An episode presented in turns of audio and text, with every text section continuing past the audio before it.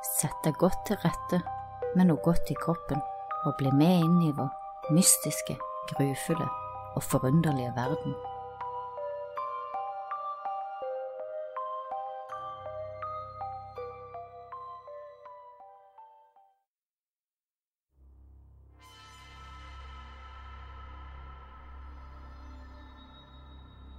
I denne episoden får du høre tolv uforklarlige, skumle, utrolige og mystiske historier som brukere på Reddit hevder å være sanne, enten selvopplevd eller noen de kjenner. Om livet, døden og skjebnen. Historier som får deg til å tenke at det finnes mer mellom himmel og jord enn hva øyet kan se.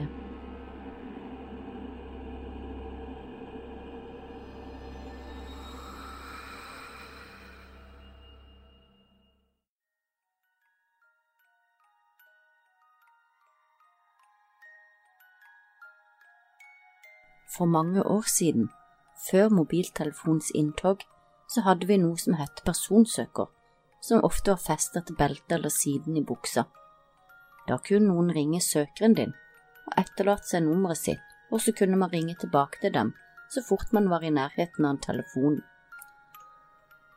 Siden jeg arbeidet som vakt i et lydfirma, fikk jeg meldinger hele tiden på personsøkeren, og for de fleste som brukte personsøker, var det velkjent at hvis man etter telefonnummeret sitt la igjen 911, så betydde det at man måtte stoppe alt man holdt på med, og ringe vedkommende så fort som mulig.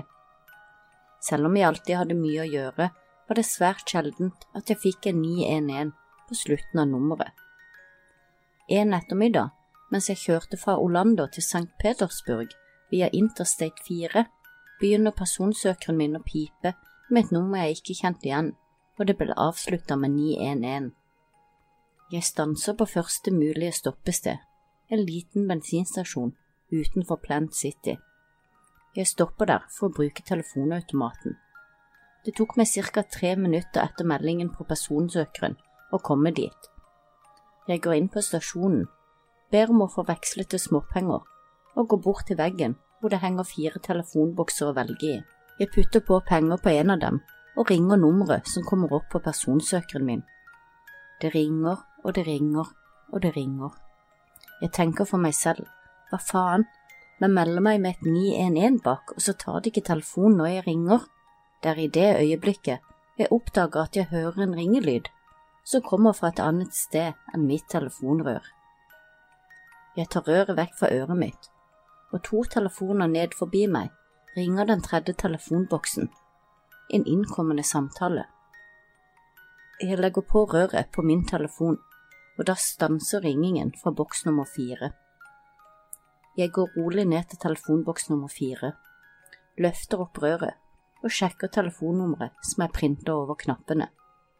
Så ser jeg på nummeret på personsøkeren min, ser igjen på telefonnummeret på boksen før jeg ser på personsøkeren min igjen og innser at bortsett fra 911 på slutten, så er numrene identiske.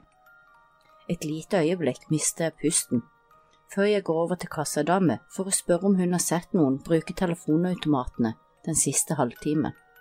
Hun forteller at jeg er den eneste som har vært inne på stasjonen den siste timen.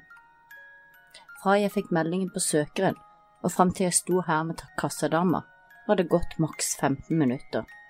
Jeg ble redd og sjokkert, og hårene reiste seg i nakken min alt jeg ville var å komme meg ut derifra. Jeg setter meg i bilen og kjører videre, og har kommet ca. én mil ned på motorveien når jeg møter på en scene hvor det ser ut som om en bombe har gått av. Fire biler ligger nærmest i en haug med en stor trailer som har en stor henger full av stål, som tydelig har løsnet fra traileren. Politiet og ambulansen ankom omtrent samtidig med meg. Jeg kjørte over til siden og hjalp til så godt jeg kunne, men det var over nesten før det begynte. Ingen overlevde denne brutale ulykken. Jeg har enda ingen anelse om hvorfor eller fra hvem jeg fikk meldingen på min personsøker, men jeg er helt overbevist om at hvis jeg ikke hadde fått den meldingen, så hadde jeg nok ikke vært i live den dag i dag.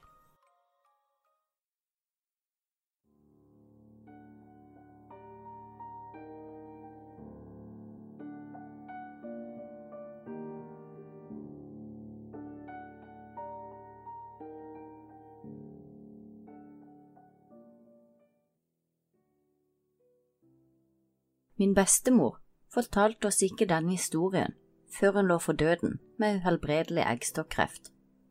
En av onklene mine, Ted, ble født med noe som heter spina bifada. Det er en fødselsskade som påvirker ryggmargen, noe som kan være veldig hemmende og som krever intens medisinsk behandling.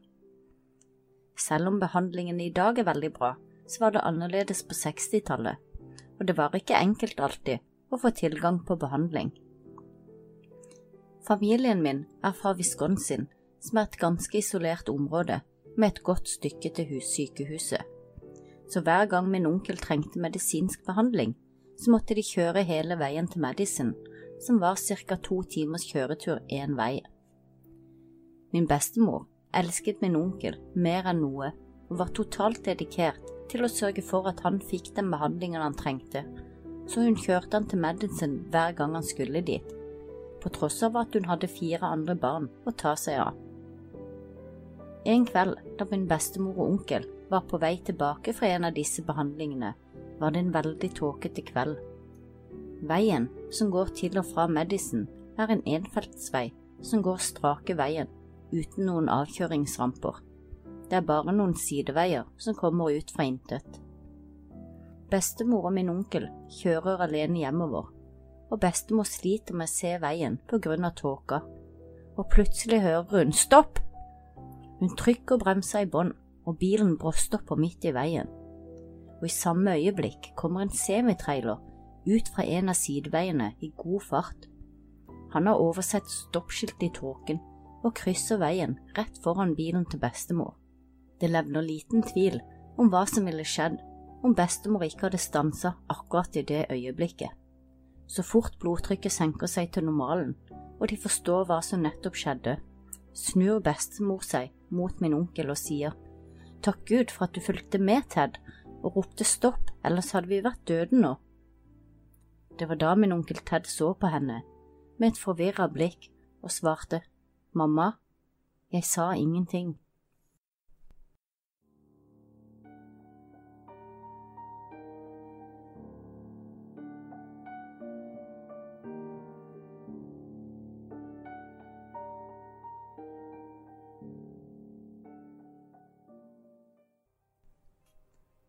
Dette skjedde da jeg var 14 år gammel.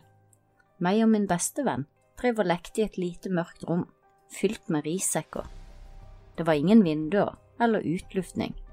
Rommet ble kun brukt til å lagre ris. Min venn, som var like gammel som meg, låste meg ved et uhell inn i rommet, og han klarte ikke å åpne døren igjen. Han prøvde mange ganger, men hvert forsøk var mislykket. Jeg begynte å gråte og ba min venn om å fortelle mamma at jeg var innestengt. Min venn svarte at hun kom til å skambanke han, og så løp han sin vei. Jeg begynte å svette. Dette var en veldig varm sommerdag med rundt 40 varmegrader ute. Jeg begynte å rope i håp om at noen ville høre meg, men virkeligheten var at ingen var ute her klokka tre på dagen i steikende sol.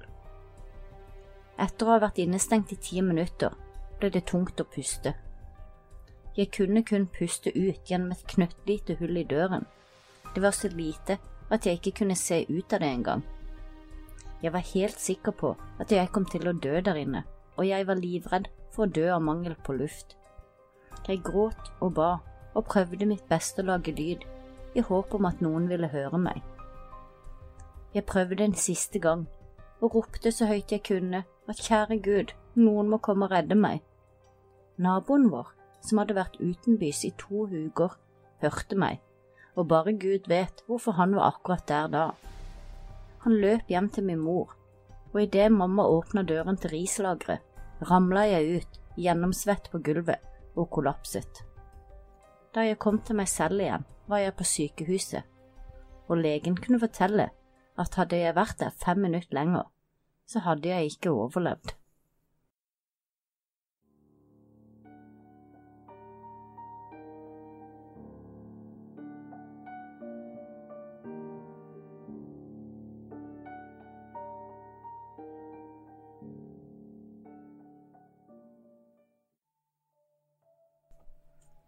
Det var våren 2001, og jeg nærmet meg slutten på vaktskiftet mitt på et stort sykehus i New York.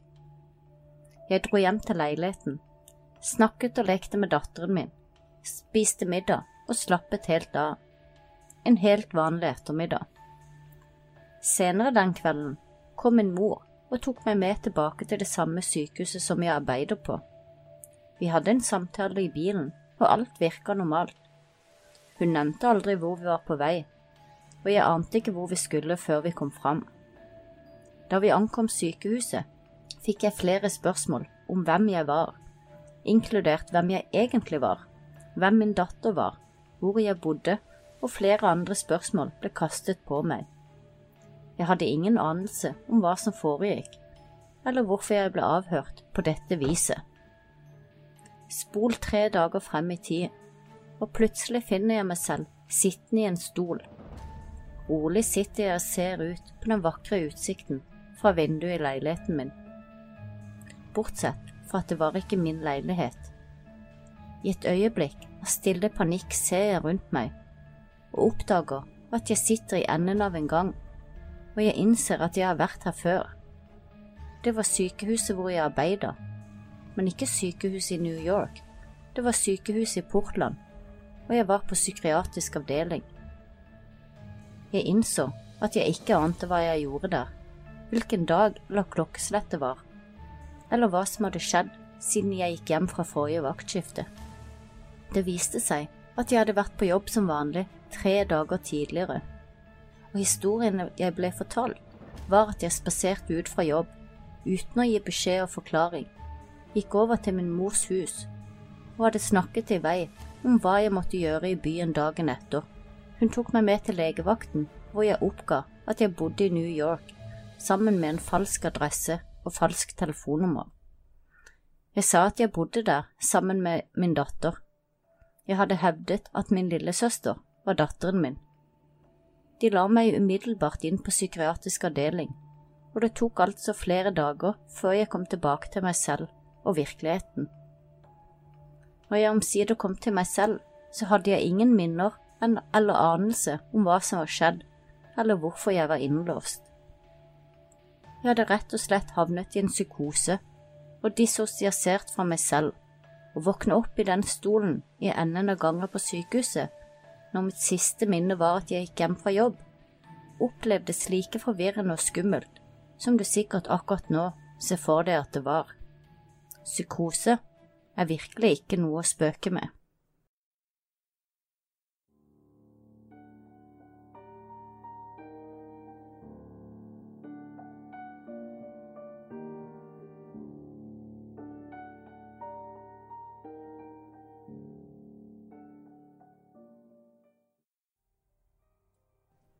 Dette skjedde med min venns tante og onkel. De bodde langt ute i ingenmannsland, inn på en øde sidevei. Deres nærmeste nabo bodde fem kilometer unna, og på begge sider av huset deres var det store maisåkre. Det var sent på kvelden, og begge lå og sov. De hadde ingen barn eller dyr i huset. Dere kjenner sikkert til den følelsen du får når du ligger med øynene lukket i et mørkt rom og noen slår på lyset, og du kan skimte lyset gjennom øyelokkene. Dette skjedde med min venns tante, og var det som våknet henne opp denne kvelden, og når hun åpnet øynene, så hun en mann som sto i døråpningen inn til rommet deres, vendt mot enden av senga. Han sto der bare og flippet lyset av og på, av og på. Tanten begynte å dunke med albuen i sida på mannen sin for å våkne han, mens hun var i sjokk og livredd. Idet onkelen begynte å våkne, flippet mannen i døren lysene på, smilte og sto der noen sekunder før han slo av lysene igjen. Det var bekmørkt i rommet. Så snudde mannen seg og gikk rolig ut av huset. De fant aldri ut av hvem mannen var, eller hva han ville. Han hadde kuttet i stykker døren for å komme seg inn i huset. Min venns tante går fremdeles i terapi på grunn av det som skjedde den kvelden.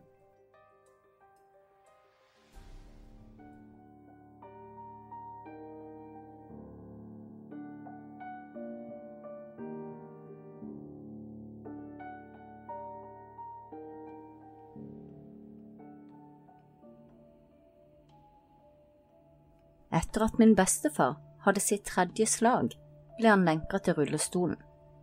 Han var hjemme hos oss på besøk en uke, og første natten våknet jeg av noen som pratet. Jeg sov på min brors soverom, så bestefar kunne sove på mitt mens han var hos oss. Jeg hører fottrinn som kommer mot rommet vårt. Så ser jeg en høy, deformert skikkelse uten øyne. Det var bare to tomme øyesokler som kikket inn på meg og min bror. Jeg latet som jeg ikke så figuren, og fortsatte å se ut som om jeg sov. Figuren forsvinner, og alle lysene som nettopp var på, gikk av. Jeg lister meg opp og går mot soverommet mitt. Jeg kikker inn til bestefar, men både han og rullestolen er borte. Jeg får panikk og løper mot mine foreldres soverom, som er på andre siden av huset. Jeg løper forbi kjøkkenet og ser da i øyekroken et gult lys som lyser opp gangen og fram til fryseboksen, og jeg ser en skikkelse stå bøyd over fryseren. Jeg får panikk og fryser til av frykt. Figuren ser på meg, og det ser ut som bestefar, uten rullestol. Han sier til meg, er du sulten? Jeg lager en nattsnekk. Min bestefar har alltid vært en snill mann og tatt godt vare på meg, så jeg svarte ja. Det er da det går helt opp for meg at bestefar etter sitt siste slag ikke skal kunne stå oppreist uten rullestol, og heller ikke kunne snakke. Fortsatt i sjokk spør jeg bestefar om rullestolen. En venn tok den, er svaret han gir meg. I det øyeblikket kom foreldrene mine, som hadde hørt stemmer og fottrinn. Min far ramler nesten i bakken når han ser min bestefar. Pappa spurte han de samme spørsmålene, men spurte han ut mer om denne vennen. Denne vennen viste seg å være en god kamerat av bestefar, som så mange år tidligere hadde dødd i en bilulykke. Hans kropp ble deformert, og han så ikke ut som seg selv. Min fars ansikt ble helt blekhvit, og han ringte til sykehuset. Det viste seg at min bestefar på mirakeløst vis hadde blitt helt helbreda, og legene hadde ingen forklaring på det, annet enn at han hadde vært heldig. Min bestefar levde i seks år til og var helt frisk disse årene. Etter at han døde, hadde jeg mareritt om denne figuren jeg så den natten, men nå, nå var de to stykker i drømmen.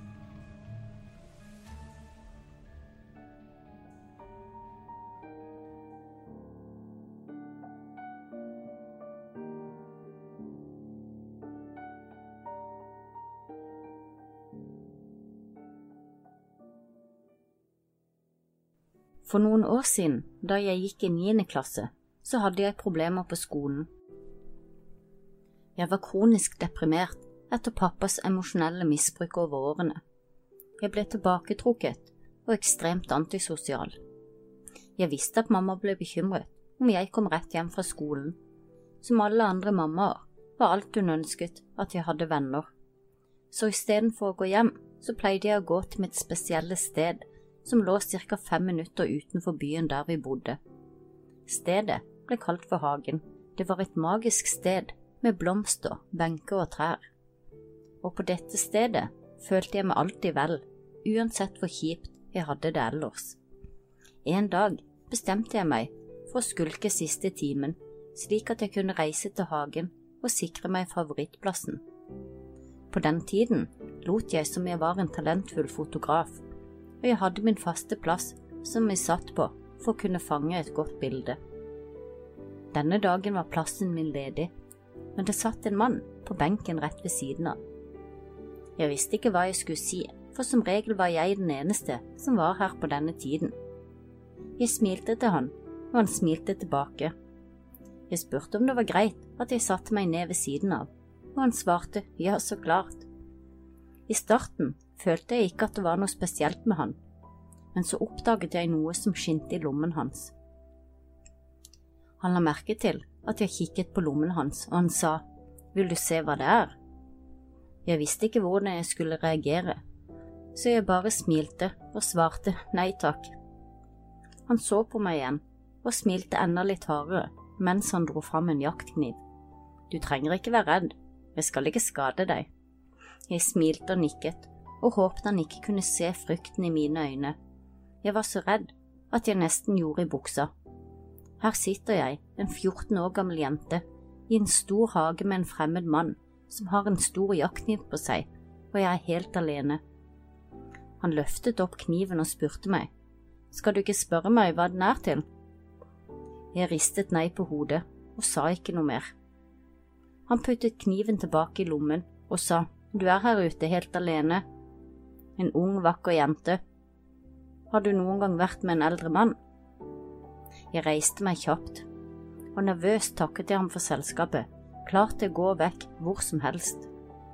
I samme øyeblikk ser jeg en annen mann som er på tur i hagen, og jeg roper hei, babe, jeg har ventet på deg. Denne mannen har holdt meg med selskap, sa jeg mens jeg løp mot den fremmede. Han ante ikke hva jeg pratet om, men kunne se at jeg var stresset, og han spilte med, og i sammen gikk vi ut av parken. To dager senere ser jeg på nyhetene at noen hadde blitt voldtatt i hagen, og det skjedde bare to timer etter at jeg forlot hagen den dagen. De hadde lagt med et bilde av gjerningsmannen, og blodet mitt frøys til is.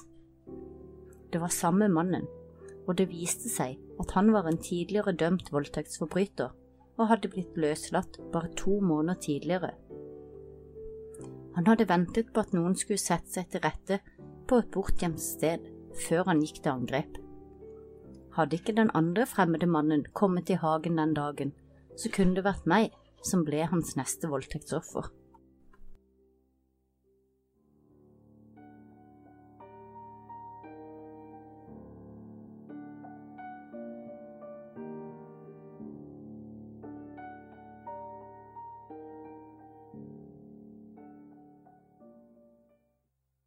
Jeg er enebarn, og da jeg var 16 år gammel, reiste mine foreldre og jeg på tur til mine besteforeldre, som bodde ganske landlig til i Massachusetts.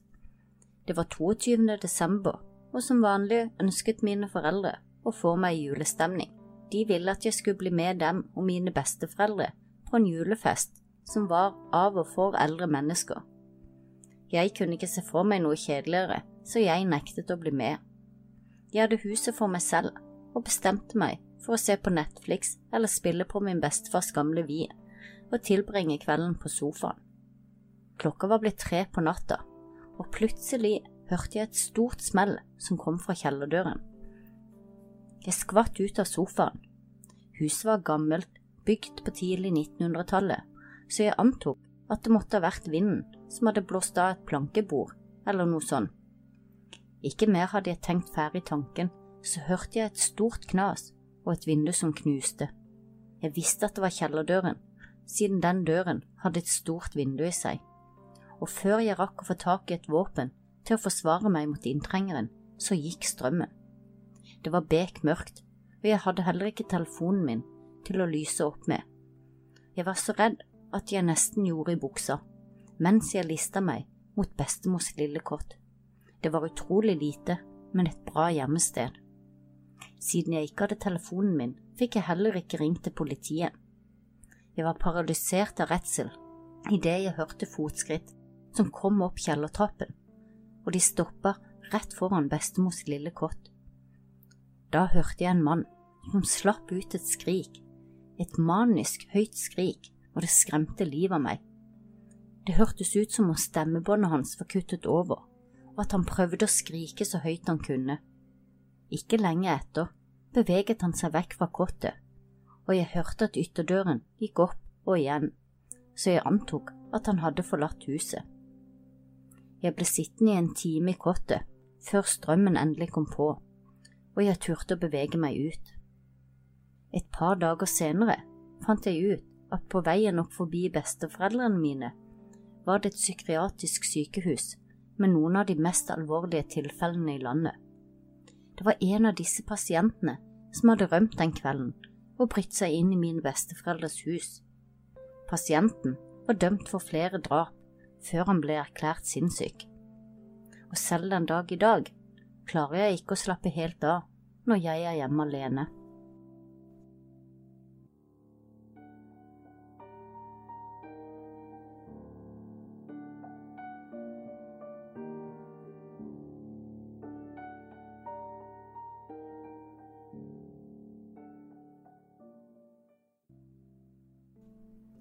Jeg var i tenårene, dro jeg på kristenleir i Big Bear-fjellene i Sokal. Vi hadde det alltid kjempegøy, og et av høydepunktene var å reide hyttene til det motsatte kjønnet midt på natta. Du vet, sånn typisk tidlig tenåringsspenninger. Hyttene var plassert slik at hovedrommene hvor man sov, lå nede i dalen, mens bad, dor og dusjhyttene lå litt lenger oppe i dalen, ca 50 meter unna. Første nattas angrep kom fra guttene, og neste natt var det jentene, og slik fortsatte vi, frem og tilbake hver kveld, for å skremme, eller forsøke å skremme, og prøve å ta hverandre på fersken. Håpet var jo selvfølgelig å bli fanget av den man var forelsket i, sånn veldig typisk tenåringshormoner på tur. Det siste året jeg var på leiren, hadde jentene en genial idé. Etter at vi hadde skremt guttene, skulle vi løpe til toaletthyttene i stedet for sovehyttene, så vi kunne lure guttene. Vi snek oss ut ganske sent på natta, gjorde det vi pleide, før jeg og ei gruppe på tre jenter løp mot toaletthyttene. Jeg løp foran i gruppa, men jeg kunne høre de andre jentene komme hakk i hæl med meg, og da vi kom fram til toaletthyttene, stupte jeg inn døren, så smalt igjen, og venta på at de andre jentene skulle følge etter. Men ingen kom, og jeg venta og forventa at de skulle komme inn hvert øyeblikk. Men snart så var det gått en halvtime, og ennå var de ikke kommet. Til slutt så åpna jeg døra og kikka ut. Jeg kunne ikke se noen, og jeg begynte å gå ned mot sovehyttene. Jeg var ganske forbanna og irritert på jentene, som ikke hadde fulgt planen. Da jeg kom ned til sovehytten, så jeg ikke bare jentene, men alle guttene, leirlederne og hovedlederen. Da jeg kom inn i rommet, stirra alle på meg med askegrå ansikter, som om de nettopp hadde sett et spøkelse. Jeg var skikkelig irritert og spurte hva som skjedde, samtidig som jeg innså at vi Samtidig som jeg innså at vi antageligvis var i trøbbel. Alle begynte å prate og stamme mens de utbrøt Herregud, er du ok? Vantro svarte jeg ja, selvfølgelig, hva mener dere? Jeg løp opp til toaletthyttene, og så hørte jeg de andre bak meg, men så møtte de aldri opp der vi avtalte. Min bestevenninne på den tiden snur seg da mot meg og sier Vi løp ikke etter deg opp dalen til toaletthyttene. Da du starta å løpe oppover, så vi deg, og du ble jaga av en bjørn. Vi trodde du var død. Ti år tidligere hadde to forskjellige jenter blitt spist av bjørner i denne dalen.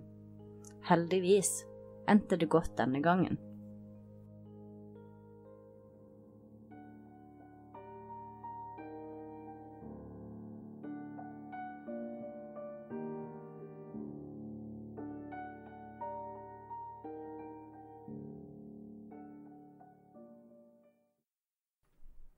Et av massemorderen, Ted Bundys ofre, var datteren til et nært vennepar av foreldrene mine. Ifølge mamma er dette hva som skjedde. Som foreldre flest på den tiden pleide man å la utelyset være på når tenåringen var ute med vennene sine. Da barna kom hjem, slo de alltid av utelysene, og slik kunne foreldrene se at barna var kommet trygt hjem på natta. Så var det da en morgen at foreldrene sto opp og utelyset var ikke slått av. Foreldrene begynte å rope og løp til rommet hennes. Datteren hadde ikke kommet hjem. De ringte rundt til vennene, men der var hun ikke. Dagene gikk uten et eneste livstegn fra datteren. Ingen kunne finne henne, og foreldrene nektet å slå av utlyset før hun ble funnet. Dagene ble til måneder, og måneder ble til år, før politiet fastslo at datteren deres hadde blitt et av ofrene til Ten Bundy. Ifølge ham selv hadde han tilstått og gitt informasjon til politiet. Men selv etter at foreldrene hørte navnet til datteren blant Ted Bundys ofre, så nektet foreldrene å tro at datteren deres hadde blitt myrdet, spesielt siden levningene av henne ikke hadde blitt funnet. Dessverre, men ikke overraskende, så ble foreldrene skilt Forsvinningen og drapet ble en så stor påkjenning at ekteskapet ikke klarte å overleve. Og moren overlevde nesten ikke tapet av sin datter. Hun fortsatte å klynge seg til håpet om at en dag ville datteren komme hjem, og at marerittet ville ta slutt. Hun nektet å flytte fra huset, i frykt for at datteren ikke skulle finne henne den dagen hun endelig fant hjem.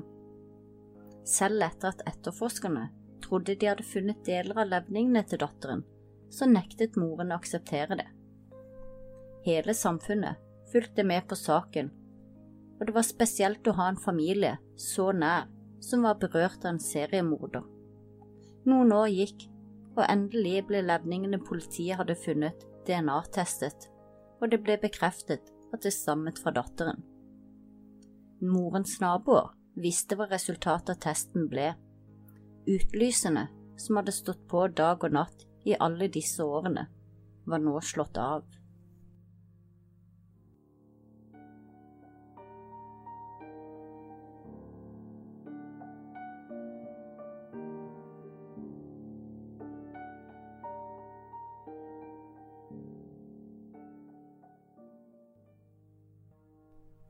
En barndomsvenn av meg var i en forferdelig bilulykke da hun var 17 år gammel.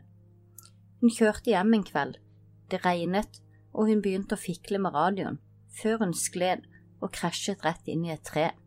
Sammenstøtet var så kraftig at hun ble slått bevisstløs, og da hun kom til seg selv, kunne hun se baklysene på bilen gjennom sidespeilet. Ulykken skjedde på en ganske øde og lite kjørt vei. I tillegg var bilen hennes mørkegrønn, som gjorde den ekstra vanskelig å se der den lå slynget rundt et tre i en grøft på en mørk og regnfull kveld. Men heldigvis for henne kjørte en god venn forbi sammen med sin far, og han la merke til eksosen som kom fra grøften, og de fikk ringt til politi og ambulanse. Bilen var slynget rundt et tre som en hermetikkboks tatt av en tornado, og helsepersonellet som var først på stedet, måtte bruke store ståltenger til å klippe henne løs fra bilen. Hun var i en så dårlig forfatning at legene på stedet ringte foreldrene og ba dem komme der for å ta farvel, i tilfelle hun ikke overlevde kjøreturen til sykehuset. Bekkenet var knust, og hun hadde mange store indre blødninger etter krasjet. Hun kom rett inn på akutten, hvor det ble igangsatt operasjon umiddelbart, men de klarte ikke å lokalisere alle områdene hvor de indre blødningene kom ifra. Tilstanden hennes var så ustabil at de ikke turte å operere mer på henne, og i tillegg så var kroppen hennes så hoven etter traumen den hadde blitt utsatt for, at legene ikke klarte å sy igjen operasjonssårene, og hun ble lagt med sårene åpne på intensiven. Hun var døende, og de forventet ikke at hun ville overleve natten. Bare noen timer senere fikk sykehuset telefon fra deres aller beste kirurg, som hadde lang ferie og var på reise utenbys. Han spurte om de hadde mottatt noen kritiske pasienter den kvelden. Men er ikke du på ferie, da? utbrøt kollegaene. Det viste seg at legen hadde vært på ferie med familien da han fikk en veldig rar følelse og en merkelig trang til å reise tilbake til sykehuset, så han avslutta ferien lenge før planlagt og reiste hjem. Den samme kirurgen klarte å lokalisere de indre blødningene til min venn, og reddet dermed livet hennes. Legene fortalte henne også at hun antageligvis ville trenge dialyse resten av livet, og at hun ikke lenger kunne få barn. Hun var på dialyse i fem uker, og er i dag i 30-årene og mor til tre flotte barn.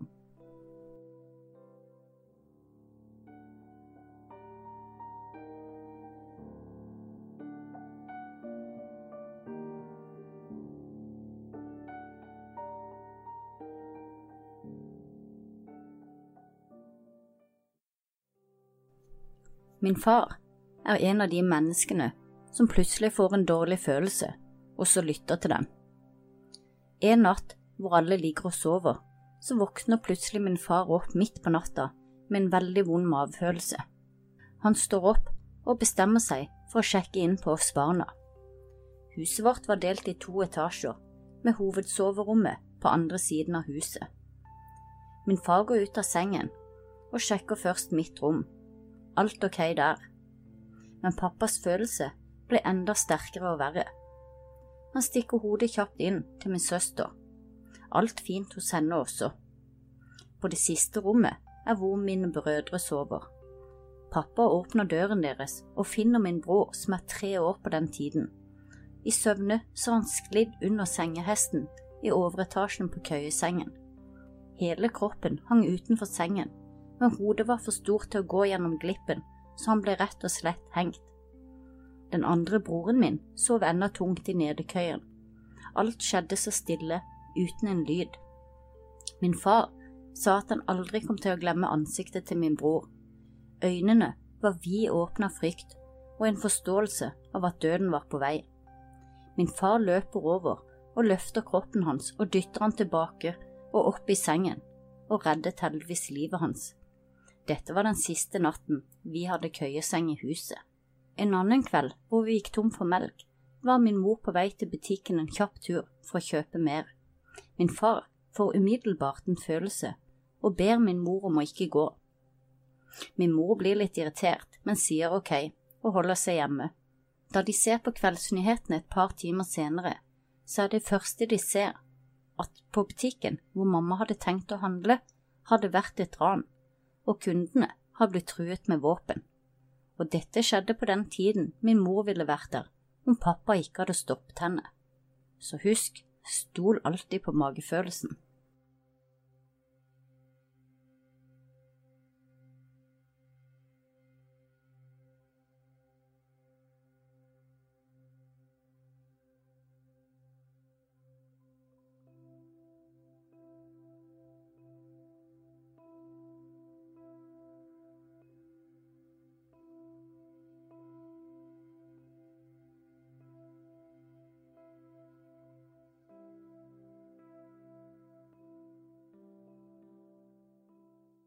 Har du et enkeltpersonforetak eller en liten bedrift?